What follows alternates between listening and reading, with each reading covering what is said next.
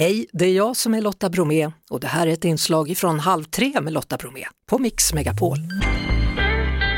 Martin Appel från PC för alla finns med mig. Hej, välkommen! Hej och tack! Då blir det lite tekniktips och den här gången riktigt nördigt då, för nu handlar det om 5G, alltså den nya generationens mobiltelefoni som är på väg att slå igenom på allvar. Eh, Ericsson räknar exempelvis att det kommer finnas en miljard 5G-abonnemang i världen innan året är slut. Men vad betyder det för en sån som jag och en annan som är vanliga mobilanvändare? Får jag vara jättetråkig och säga att det kommer inte betyda så väldigt, väldigt mycket så vi kan gå hem nu Lotta. Men vad är det här? Det har tjatats om det här 5G så länge och så är det ingenting. Nej men exakt, så här är det.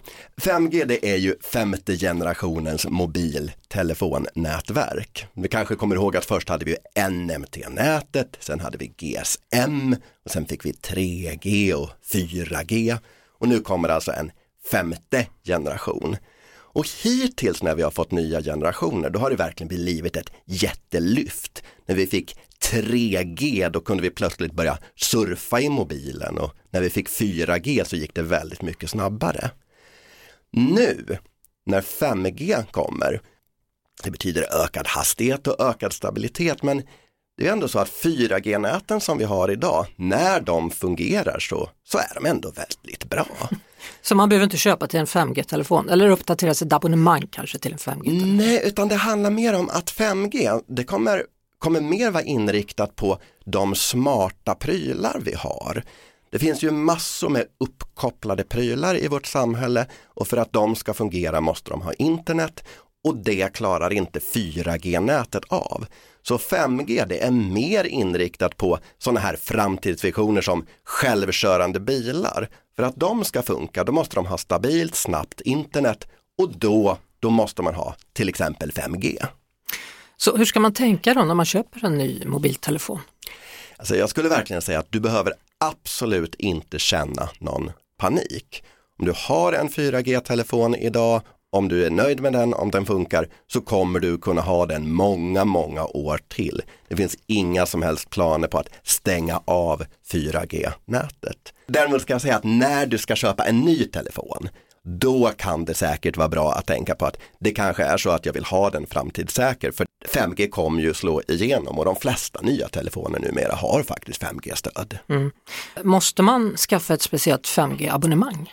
Det beror lite på, om du, om du har ett ganska dyrt abonnemang idag, då är det förmodligen så att det kommer även funka för 5G.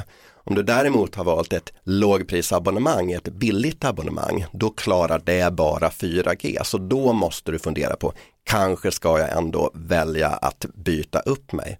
Men som sagt, det är inget måste.